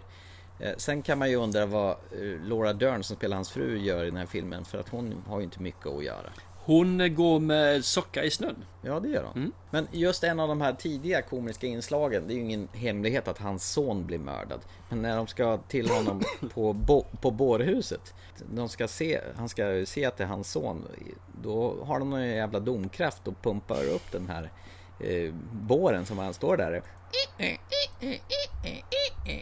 Bra länge innan det kommer ett läge som ska kunna titta på honom. Och folk står och skruvar på sig och tycker det är rätt så, ah, lite obehagligt. Ja. Ja. Jag tycker om skylten som är på bårhus också. Huvudena utåt, tack. Ja? Det är så här små detaljer. Det är likadant vid en annan scen när, när vad heter det, någon, någon, de ska lyfta upp någon kista på en sån här bakgaffelyft på en lastbil. Det är också en sån jävla sjuk grej. De åker sakta uppåt så här. Sådana här små detaljer som är jävligt underfundiga och kuliga. Ja, nej, men jag, jag håller med. Det finns vä- väldigt mycket roliga scener och sekvenser i filmerna som, som sticker ut. Eh, Det jobbiga är ju bara det att är du, du hoppar mellan en mörk, tråkig film, eller grå film Ja. säger så, inte tråkig men grå film, till en Lattjo film alla blod, stänk och våld. Ja, det blir Lite Tarantino-våld kan man väl säga egentligen på det. Ja, det blir det. Så det är en jävla konstig balans mellan... Man vet inte riktigt vilket ben man ska stå på. Ska den vara en allvarlig film? Nej, nu var det kul. Nu var det liksom lite eh, satir, lite svart humor. Men det är en jävla konstig balans egentligen. Jag tror den är jättesvår att få till, alltså få folk att förstå den. För det, när man hoppar mellan våld och så hoppar man till där en sörjande pappa som ska gå hem till sin ännu mer sörjande fru fast sörjer på ett annat sätt. Då, då, ha, vänta vad hände? Vad, vad, vad, vad, vänta, hur ska jag känna nu? Jag älskade det. För, det? för en gångs skull funkade det för mig. Jag tycker Ja. inte om det, men den här gången funkade det skitbra. Eh, Liam Nilsson, han gjorde varken till eller från i filmen. Han varken, hans stjärna har inte höjts. Det var en bra film. Han gjorde inte filmen. Han gjorde inte någonting för filmen egentligen. Jag tror vi kunde ta Vem som helst. 13 på dussinet som har gjort lika bra. Bara man är en gammal bister man. Jag tror att en, en som jag tror skulle kunna göra det riktigt förbaskat bra är George Clooney. Ja, han skulle lika gärna kunna ha kört den där typ American. Jajamän, han skulle göra det fruktansvärt bra och ändå Men lyckats. fan med tog de inte George Clooney i den här filmen för? Därför att han var, ville säkert inte ha den här filmen eller så var han väl upptagen med annat. Hoppas jag. Ja, Vi säger att han var upptagen med annat, för han hade ju passat asbra Ja, jag tycker om. Jag diskuterade med sambon vem som skulle ta det istället. Och Mm. Hon tycker inte George Clooney för hon har ju honom på en pedestal, den här sexy, sexy man. Men eh, jag håller fast vid det. Jag tror att han skulle göra det här riktigt bra. Men då har inte hon sett The American, för den, den är ju inte sån här sex Ja, jag sa just den som ett exempel till henne att du har inte sett den här filmen, då skulle du förstå vad jag menar. För American, där lyfter han fram helt andra skådespelare. Eller så tar vi en annan steg och det är Burn After Reading. Som ett helt annat segment hur han är. Ja, ja, med eh, dildostolen nere i källaren. Jajamän. Inte kostat på speciellt mycket. Så att där har vi två filmer som är väldigt vitt från vad han gör. Så att nej, han, han skulle lyckas jävligt bra. Det skulle han göra. Den jag tycker är stört skön, det är ju han den där eh, gangsterledaren, knarkkungen som har sin son och tycker att han ska gå på någon speciell diet och få sån här riktiga jävla utbrott när, på sin ex-kvinna. Men hon verkligen talar honom till rätta. Liksom, nu gör du fan som jag säger. Men han är verkligen så här överspidad affärsman. Jag, jag tycker karaktär, visst han spelar ju över något djävulskt men jag tycker jag tycker liksom i själva sammanhanget så är det ju rätt så fränt. I karaktären älskar jag i det fallet också. Han är en helt fantastisk karaktär. När det gäller skådespeleriet och sånt så drar han ner filmen. För det, han är så vulgärt dålig i sitt skådespelande. Han försöker ta rösten och göra den mörk och hotfull. Och samtidigt ser han ut som ett jävla babyface. Och nej, han, han är fel castad så han är totalt för den rollen. Han skulle bort, bort, bort, bort, bort. Med- Och jag vet tyvärr inte vem jag skulle ta istället där ska jag erkänna. Men det borde finnas någon som är Härligt bättre. utflippad. Ja, Ja. för det behövs något. För han, han ska ju gå upp, han ska gå ner, han ska vara hotfull, han ska vara äcklig, han ska vara rolig, han ska ha alla de här sakerna som, beh- som behöver finnas. Men han lyckas inte bli hotfull, han lyckas inte få den här att varför skulle jag följa honom som gangster? Det finns ju Mm. ingen som helst mening med det. Det jag tycker är lite kul är att man eh, gör ju lite karaktärsbyggnad på hans eh, hejdukar också, de som jobbar under honom. Ja, Att precis. man får, får lite kött på benen på dem också. Att det är någon som tar hand om hans son och eh, en stor jävla bufflig kille. Eh, När, när farsan spårar ur och, och så vidare. Och sen har ju ett par andra som har lite annorlunda läggningar med varandra. Fast de är krim, kriminella, kriminella gangsters. vanligt. Kriminella? Ja precis, och ingen riktigt får reda på.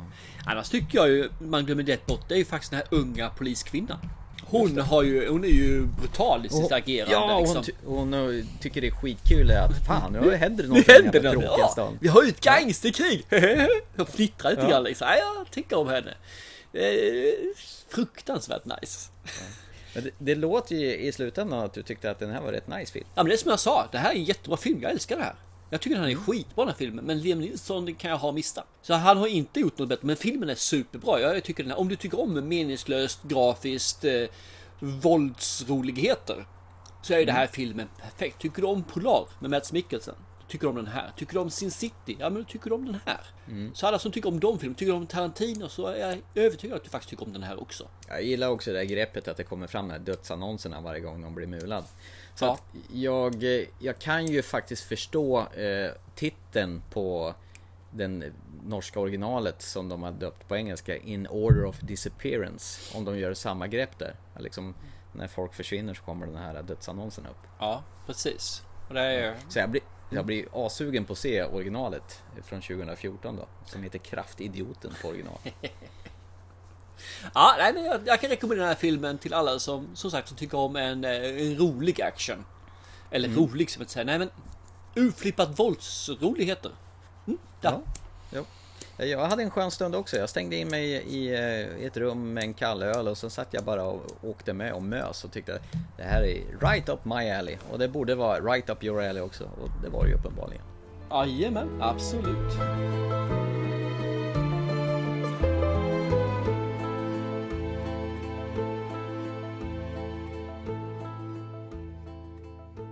Då så, då eh, har vi bara en punkt kvar i kvällens avsnitt och det är ju straffet, eller vad säger jag, uppdraget heter det visst.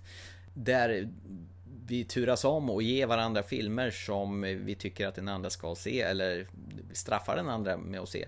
I det här fallet var det en film som inte jag har sett sedan 97 kanske när den kom ut på video. Jag vet inte tusan om den här fick en biopremiär överhuvudtaget. En film som är producerad av Robert Zemeckis och då fattar man ju varför de har satt Michael Lee Fox i huvudrollen. Men det är Peter Jackson som har regisserat den där efter sina splatterfilmer Bad Taste, Meet the Feebles och Brain Dead. Eh, 96 kom The Frighteners. Frank Bannister had a remarkable ability. Psychic investigator? To communicate with the dead. You, you could see spirits? Emanations are normally confined to the cemetery, You cannot push spirits around! although they do escape. And an uncanny knack We're gonna scare the living daylights out of your parents.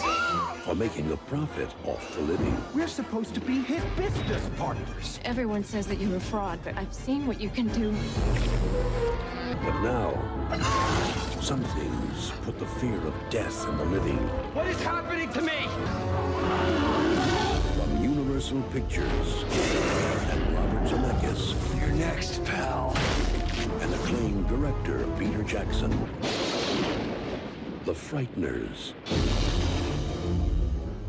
Frighters, precis. Så nu är min fråga, hade du sett den här innan? Nej, det hade jag inte jag. Jag eh, hade to- totalt missat den här, eller vad man säger för någonting. Och tittar man på hur mycket den har spelat in så eh, kanske man inte har missat något. För det här är ju en dyngflopp ekonomiskt alltså.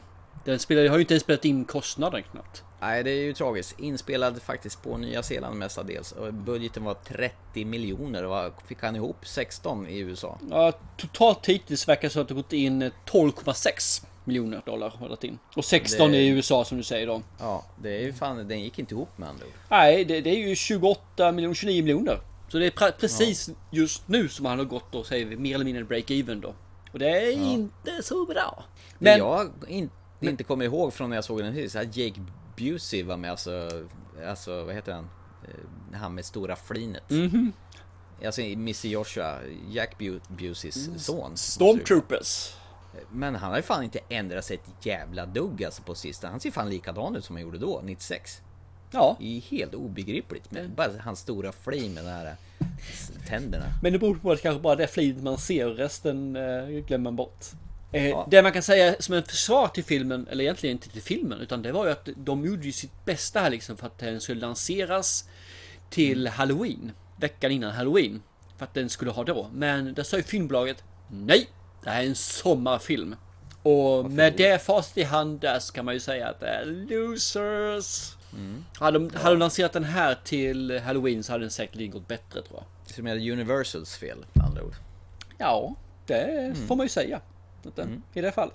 Vad kan man säga mer för någonting? Vet du vem som mer som var påtänkt förresten och eh, spela huvudrollen förutom Michael J Fox som Frank Bannister? Istället för honom Mm. då, menar du? Ja. Eh, nej, ingen jäkla aning. Nej, det var just det, ingen. Han, Okej, de han, hade var, bestämt sig, vi, vi ska ha Michael Lee Fox. han var förstahandsvalet. Sen hade de, tror jag, ett par stycken som eh, backup ifall han skulle tacka nej. Mm. Men eh, det gjorde han givetvis inte. Och den här spelades in på Nya Zeeland som du sa.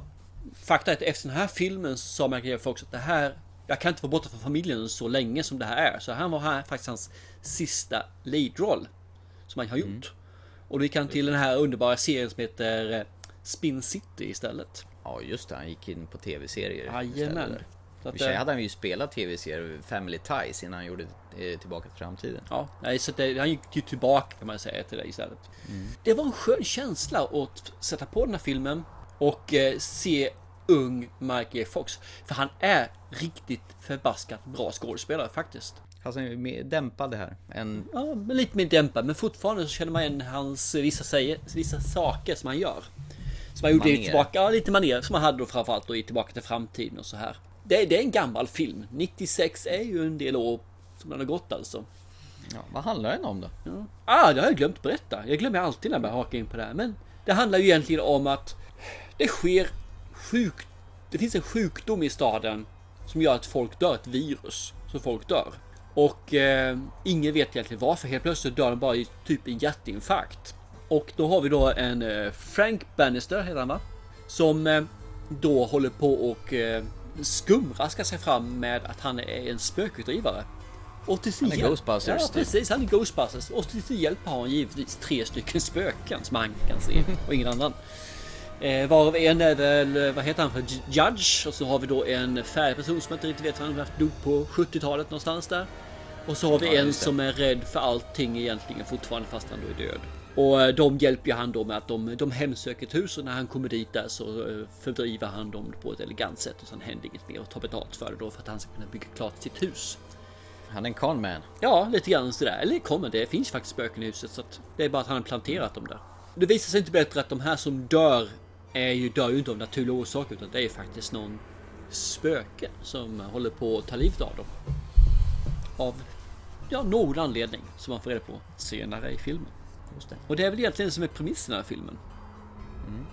Och är det. då tillbaka till Michael J. Fox. Skönt att se honom. Ung kille, bra skådespelare. Jag saknar honom va? Ja, men lite grann faktiskt har man gjort det. Jag har inte saknat, men när man ser honom så inser man att det här är lite grann som att träffa en gammal kompis. Och det är som man jag faktiskt har saknat fast man inte riktigt vet att man gjort det. Om du så menar det. Ja, ja, men jag förstår precis vad du menar. Däremot så är han bra mycket mer allvarlig, dämpad eh, roll än vad han hade i Tillbaka till framtiden. Det här. Absolut, så är det ju. Men där var det lite mer utflippad också ju. Däremot får man ju säga så, det är, enligt vad de säger för någonting så sa han ju hela tiden fel på den här, den här Judge. Så kallar, Ja, kallar han hela tiden honom Doc i inspelningen. Han hade skitsvårt. Doc, Mm. Doc, Doc. Så han har ju jättesvårt där liksom att få till det så att... Han tog det med sig lite grann. Tittar man in på det, jag tycker ju om eh, den här eh, Trini Alvaro också, eh, som är Dr. Lucy. Det är ju hans tjejen, hantlangaren då om man säger så som... Ja, just det. Sen. Som man får hänga med. Som eh, är gift med den här eh, Ray heter han va? Ja, Den, han som är precis. lite korkad. Stämmer. Som, Jag, jag, jag tyckte han påminner om Biff-karaktären i Tillbaka till framtiden jag från vänster. undrar om inte det är samma skådespelare för jag kände också igen honom. Ja, att, nej men eh, alltså han var ju snarlik sättet att vara och så. Ja, utseendemässigt faktiskt också som jag kommer ihåg det. Men äh, mm, kanske. Jag har inte kollat upp det. Eh, det är de två egentligen. Resten av casten. Ah, förutom då som du nämnde förresten. eh, Jösses, vad heter han nu för någonting? Smilet. Jake eh, då, eh, Busey. Jake Busey. Ja. Ja, precis. De ja. tre är ju bra skådespelare. Resten är ju inte så bra för att vara snäll. Men hallå, Jeffrey Combs, han som spelar Milton, FBI-gubbe med läderhandskar, som får spela över, eh, från, du vet, Jeffrey Combs från Reanimator. Sliskpellen som blir jätterädd när kvinnorna skriker på honom så han flippar ur. Det är ju helt jävla underbart. Ja, karaktären är skitbra, men skådespeleriet är ju hur dåligt som helst. Nej, men han är ju en riktig B-skådis ju. Ja, ja, så men det- måste jag... Så, så du menar att blir det, plocka... blir det bättre för att han är en B-skådespelare? Hans skådespeleri bättre för det? Nej, men jag var jätteglad när jag såg Jeffrey Combs. Jag tänker bara Reanimator när jag ser honom. Ja, ja, absolut. Han är, ju, han är ju precis likadan där. Han har ju bara säkert ett läge och det är att spela över. Och det var väl precis vad de ville ha med honom. För han är ju så här. Och när hon eh, Lucy börjar vråla åt honom. Han, han blir ju helt knäpp ju. Och flippar ur. Nej, är jag håller med. Jag tyckte inte han var bra skådespelare. Däremot var karaktären ganska underhållande som sådan. Men skådespeleriet är dåligt alltså. Ja, ja. Men Dee Wallace då? Hon som är inlåst i huset av sin eh, strikta morsa. Som är egentligen mamman i E.T. bland annat. Va, jag tycker... Gillar du inte henne? Nej, jag tycker... Men nu, nu säger jag ju skådespeleriet. Det är det jag var ute efter. Men du höll ju på hela den glitchade och se karaktären hela tiden. Nej men alltså som skådis, Dee Wallace. Nej, hon är jättehärlig. dålig också som skådespelare. Nej men vad fan! Eh, Mamman i E.T. Hon är ju med i Kujo, hon är med i Critters, hon är med i The Howling. Hon är ju, hon är ju fan en kultkärring. Måste hon vara, men hon är skitdålig som skådespelare i den här filmen. Eh, Hon läser innantill som hon gör ju. Skådespeleriet är faktiskt urkass. Det finns däremot en överraskning. Som, som jag eh, såg där li- lite kort och fint. Jag vet inte om du har sett den här underbara kultfilmen om eh, amerikanska vad heter, marinsoldater. Full nej. Metal Jacket. Ja, jo det har jag sett. Det är ju, det är väl Judge, inte han John Austin? Nej, inte han nej, nej, den nej, nej. Det är han i spöket på eh, kyrkogården. Han är med och han spelar ju säkert, han spelar exakt samma karaktär. Ja, den där gapiga i den här Jajamän. hatten. Och det var ju egentligen mer som en tribute liksom, en sån här liten kul grej liksom. Och så vill de ha en nya zeeländare som gjorde rollen istället, men det kändes mm, inte bra. Det kändes inte rätt. Så de sa, Nej. du, vi skulle göra så här, skulle inte du kunna tänka dig hoppa in? Vilket han gjorde då. Så han spelade sin egen roll, fast som död nu då. Igen. Jag tycker den var så här, bara wow, vänta lite grann. Det där känner jag igen. Som står där och skriker och säger samma sak ungefär som, ja men det är ju den filmen. Coolt. Ja, Ga gapigubbe. Jajamän. Så det, det tyckte jag var, det var en kul grej. Men är det inte likadant i den här filmen som i Cold Pursuit? Att det är en liten konstig balans på att det är allvarligt å ena sidan och det är riktigt tvättäkta slapstick-humor i andra änden. Nej, det håller inte jag med om Nej. faktiskt. Det här Nej. finns inget allvar i den här filmen whatsoever alltså. Det, Du det, tycker den bara är rolig tvärs igenom? Ja, det- Men hans karaktär har ju varit med om någonting jättetragiskt. Frank Bannis, han har ju blivit av med sin fru och dog ju i en bilkrasch. ja, den har varit med om någonting men det, filmen blir ju inte för det. Men, Nej men han är ju traumatiserad genom hela filmen. men menar du att liksom inte- Beetlejuice är liksom också en mörk film för att någon har dött i den filmen eller? Nej, men, nej det har vi inte sagt. Men den här Men det var precis det du sa en- nu. Han har ju dött, någon har dött, då måste det vara en tragisk och mörk film. Ja men jag tycker den har en tra- han har ett tragiskt botten. Han är ju ingen så här glad, härlig, lycklig karaktär utan han är ju väldigt mörk Nej, i sitt han sinne. är ingen clown. Men för den sakens Nej. skull gör det ju inte att han inte finns humor i det han gör. Jaha, mm, nej, men eh, han är en glad person. Alls. Och så får du, du får ju lite så här flashbacks eh, liksom och se hur... eh, Men, hon, men, vänta, eh, vänta Thomas, är det, va? är det Va? min utmaning eller din utmaning? Det är din utmaning. Håll bara- då käften i det här fallet alltså. Nu, nu håller din käft! Mike, men, men Michael E. Fox, man ser fan att han är på gång att få Parkinson sedan här tycker jag. Han är lite spattig. Nej, nej, nej, nej. Det är ju inte ens i närheten. det. Du, jag säger bara, mina söner var på Liseberg, jag och mina söner var på Liseberg, då gick vi i det här spökhuset. Ja, var Michael E. Fox där? Nej, men det var en av mina söner som höll på att jiddra en jäkla massa. Då kom ett av spökena fram och sa Vill du vara kvar här? Håll, Håll då käften." käften! Han. Jag säger samma sak till dig. Vill du jag ska ha det här ut- uppdraget? Håll då käften!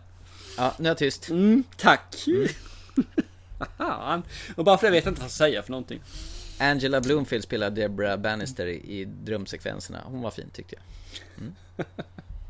Filmen är en komedi och det, det finns lite Ghost, Ghostbusters-varningar hej vilt här tycker jag. Det, det känns som att mm, man känner igen sig ganska mycket. Tror man faktiskt.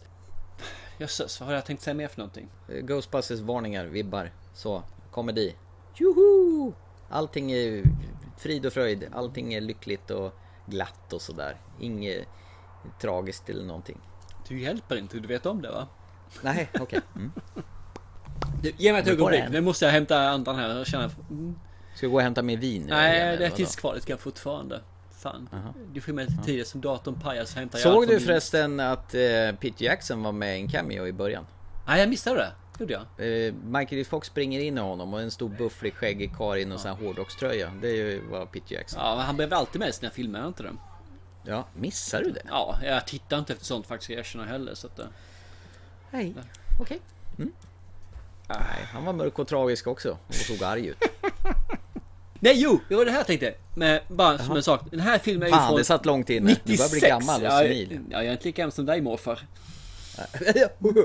Den är ju från 96 filmen. Ja. Och då har vi spöken i den här filmen som sagt vad som ska Ja. då genomskinliga jag kört.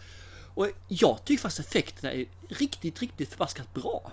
Jag, är, Tycker jag, jag blir överraskad på hur bra de var faktiskt. Nej, fan, jag tyckte de var pruttdåliga. Det såg ut som jävla eh, Kasper, det vänliga spöket så med blått skimmer runt om. Ja, ja, absolut är det så. Men hur man gör det här liksom. Eh, alla de här, de går genom väggar, de, de hugger tag i varandra när det ska vara ett Ja, spöke. det var lite ballt. Och så här, och det tycker jag ju var eh, faktiskt över förväntan. För att 96, för fan det är ju ändå en 23-årig film. Ja, det är för sig sant. Det- Det var ju mäktigt säkert då och säkert dyrt att göra här effekterna. Det var väl säkert början på hans Veta Studios, tror jag, som gjorde Ja. effekterna på det här. Så jag, jag varit jätteöverraskad. Jag tänkte, wow. För som jag ser den så är den här filmen fortfarande sevärd effektmässigt. Framförallt om man kanske ska se den tillsammans med den åldersgrupp som filmen är menad för om den skulle göras idag. Det vill säga Mm. 11-åringar. Ja, liemannen då som använder, det ser ut som en sån här förgrundsfigur på de här dementorerna i Harry Potter. Ja, lite grann va? Visst gjorde det? Det tycker Ja. jag med faktiskt. Nej, men om vi går till summa summarum på filmen. Nostalgi. Jajamän, det var droppade ektoplasma nostalgi på den här, hela den här filmen alltså. Trots Ja. att jag inte har sett den tidigare, men det var egentligen årtiondet och vår kära Michael J. Fox. Ja, jag tilltalades av filmen. Jag tyckte den var faktiskt riktigt bra. Jag tyckte den här eh, gav mig någonting trots att jag inte har sett den tidigare. och skulle återuppleva den på äldre dagar. Så det, den, den var trevlig, den var mysig, den var liksom lite smågullig i sitt berättande. Det är ju en gammal film så det som var hemskt då är ju idag lite småkul och lite bebisvarning. Men tar man filmen för vad den är, ja men fasen, den, den, den är nice. Så se den tillsammans med era barn alltså. För har ni sett Ghostbusters, de gamla filmerna, vilket ni också ska göra, och barnen tycker om den typen av film, så kan det här vara nästa film ni ser på. Se Ghostbusters 1 och 2 och sen ser ni Frightness. Det fungerar alldeles utmärkt. Jag kan garantera att de kommer vara lycksaliga efter det här alltså, och vill starta sin egen eh, härliga spökbyrå. Tack så mycket Thomas, den eh, gick hem hos mig. Jaha, får jag prata nu? Jag skulle vara tyst sa du. Nej, jag sa bara tack så mycket. Jag sa inte, skulle inte du prata? Däremot så var den lite hal halvsvår att få tag i. Jag har ju en rätt så bra app där det står var, var man kan streama filmerna.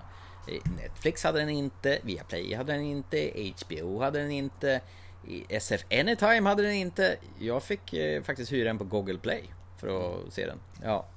Eh, så 49 spänn på Google Play. Jag tror det fanns billigare på Blockbuster också, fanns det. Men jag orkar inte skaffa något konto där. eh, Och så. Men- Jag har faktiskt eh, på Blackbuster så jag har. Jaha, du gjorde det?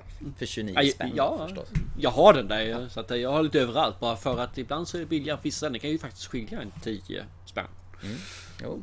Men det är ju liksom, fan vad det liksom har hänt alla videobutiker, fysiska grejer. Man gick in i en affär och vände och vred på fodral. Alltså den eran lär ju vara stendöd nu. Ja, absolut. Den finns ju inte.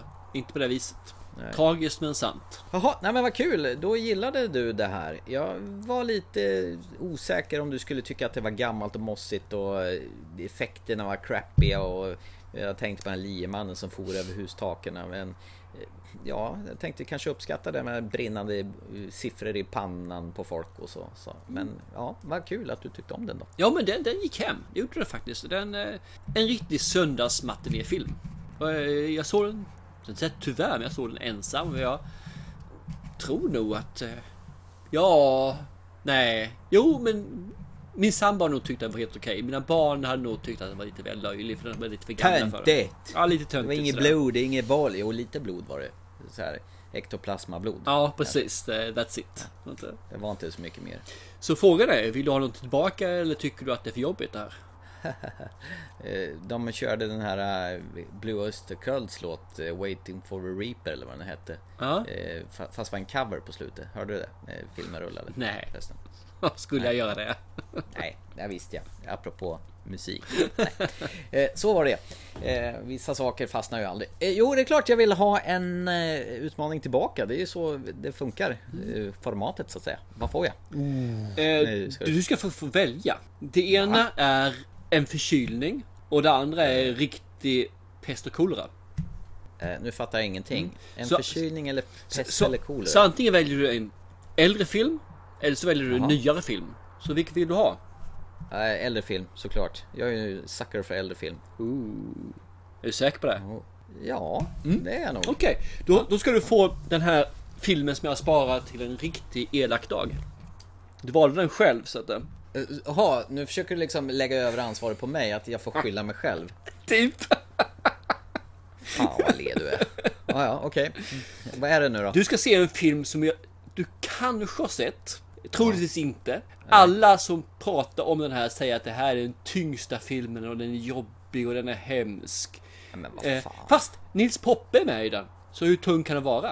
Eh, är det svartvitt eller? Ja, men det är det nog faktiskt. Är den svensk? Den är svensk.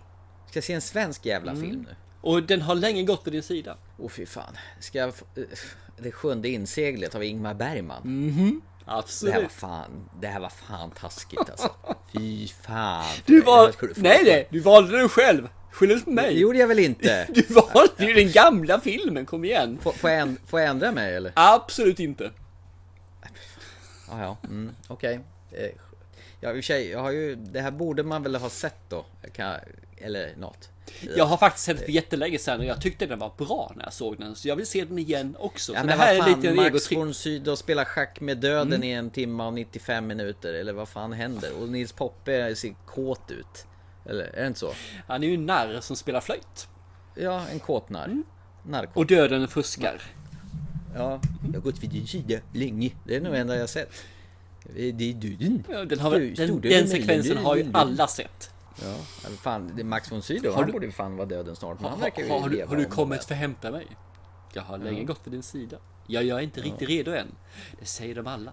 Så du får sjunde inseglet av mig. Puss på dig. Ja, nej men det var ju snällt. Eh, Jag ska tänka ut något riktigt vidrigt till dig till nästa gång. Det har du ju redan gjort flera gånger för fasen. Du har gett mig filmer från Jag är bara med ren 40-talet. välvilja ge filmer som tror jag ska berika dig kulturellt men bara Nej, det- här går inte. Det är inget roligt att se puckelryggar åka kistor ner för uh, schweiziska alper. Nej, det är inget roligt att se när, när Robert Redford försöker blåsa Robert Shaw i, i, på 30-talet. Nej, det är inget roligt att se eh, Denzel Washington eh, rädda någon liten tjej från eh, någon jävla mexikansk drogkartell. Vänta lite grann, den där Ja. får du backa på. Den satte jag ju som årets bästa film då i det året. Jag såg den. Ja, jag kanske överdrev lite grann. Burning Jag Man, eller vad heter den va? Va? Nej, Man on Fire. Man on Fire hette den, så, så heter det. Just det. Nu tänker jag på Wikiman, den, där brann Ja, Euro, den var också skitbra. Så Ja, kom inte här nu. Bara bra filmer. bara bra filmer. Ja, bara bra. jag måste utmana dig ju. Det är det här nu. Nu har det varit så här jättefint puttinuttigt och snuttigt ett tag. Nu måste du få lite mer stunds utmaning. För det är därför det heter Utmaningen. Ja, ja. Inte Jag vet redan vad du jag gullar dig på Nej. håret och gnuggar din kind lite lätt. Åh fy fan. Utan- Fan, vet du om att du blir svinelak när du dricker Chablis? Det, det händer någon, det blir en sån jävla personlighetsförändring med, med dig liksom. Inte det här väna, fina, goa, mjuka smålängen som jag kände igen för sju år sedan. Nu, nu är det en jävla så här njuter av att tortera folk så här verbalt och fysisk, psykisk ohälsa så här någonting. Nej. Jag njuter inte av det på det viset utan det är mer att man känner sig... Jo, jag njuter av det jävligt mycket förresten. jag, jag, jag sa ju det, jag fattar det. Ja, nej men eh, tack då. Så jag väl att... tack då! tack så jävla mycket. Ja, jag vidmakthåller fortfarande. Du valde den själv. Ja, okej. Och det här var ju det sista avsnittet vi gör någonsin av den här podden. Det var ju kul de 153 avsnitten det varade. Eh, kul. Nej, skämt åsido. Det blir säkert svinbra. Vi, jag hoppas det faktiskt att den här kan väcka lite liv i... För jag tror att de flesta har sett den. Och jag tror de flesta Mm. har inte sett hela, utan bara sett lite grann. Och de flesta som har sett den, i alla fall i vår ålder, har sett den när de var väldigt, väldigt, väldigt unga. Och då Ja, är det och det är väl den där sekvensen när han är på stranden och spelar schack med du- duden. Vilket är början av filmen mer eller mindre, så att... um, Jaha, åh fan, är det så? Mm. Men Nils Poppe är en drama. Han brukar ju vara snubbelgubbe, typ Fabian Bohm med, med prickar. Han har gjort Hitler- faktiskt rätt så prickar. många eh, dramafilmer också, fast det är inte de som man kommer ihåg eller de han är känd för. Men han, han var en Nej. riktigt bra skådespelare med den tidens Ja. mått mätt. Han var väl typ Sveriges svar på Charlie Chaplin. Ja, känner jag. precis. Ja, det stämmer. Och Charlie Chaplin Ja. gjorde ju också mycket mörkare film också än vad man tror. Ja, diktatorn. Och nu, nu får du ta med dig det här ju när du går in. Att det här Mm. är ju en gammal film. Det är en svensk film. Det vill säga att Mm. det är teaterdialog i den. Jaha, okej. Det är liksom eh, så här. Jag har gått vid din sida länge. Typ något sånt där ja. Ja, ja. Och de pratar Fast du måste säga det mer med könet när du gör det. Jaha, men pratar de inte som de gjorde förr i, i svenska pilsnerfilmer? Nej, eh, direktören kan inte störas Typ så här. Se de s- svenska soldaterna. Du, vi sticker ner till Vira, ser du. Och slår ihjäl en eftermiddag, ser du. Och käkar eke, ser du. Ser du, det är det. Du, ska vi ta och lägga ner podden? För jag tror folk börjar bli jävligt trötta på oss. Ja, jag också. Trötta på oss. eh, nej men eh, min öl är slut här nu så att Ja, jag- mitt ja, glas vin också faktiskt. Så jag är rätt så redo. Ja, du är nog redo för sängen nu tror jag. Eh, Eh, eh, inte, det var inte så jag menade. Eller gjorde jag det? Eh, din jag iron- tänkte inte ens tanken. Det är usch, fy på dig. Men jag är den ironiska. Eller är jag? eh, ni hör oss som vanligt på eh, iTunes, Acast, eh, jädra många andra podcastplattformar också. Eh, sök på oss på TT Film Podcast så hittar ni oss på Google superlätt så lotsas ni rätt eh, på en gång. Kommunicera gärna med oss på Facebook. Det vet jag att ni gör. Och gör det mera. Vill ni önska en film så skicka ett litet mail till ttfilmpodcast.gmail.com Beaktar vi det och säkert pratar vi om det i ett framtida avsnitt. Det gör vi absolut. Till, Var det något eh, mer eller? Nej, jag är rätt nöjd. Så till dess, se en bra film. Så eh, säger vi så. Chip chip! Hej då!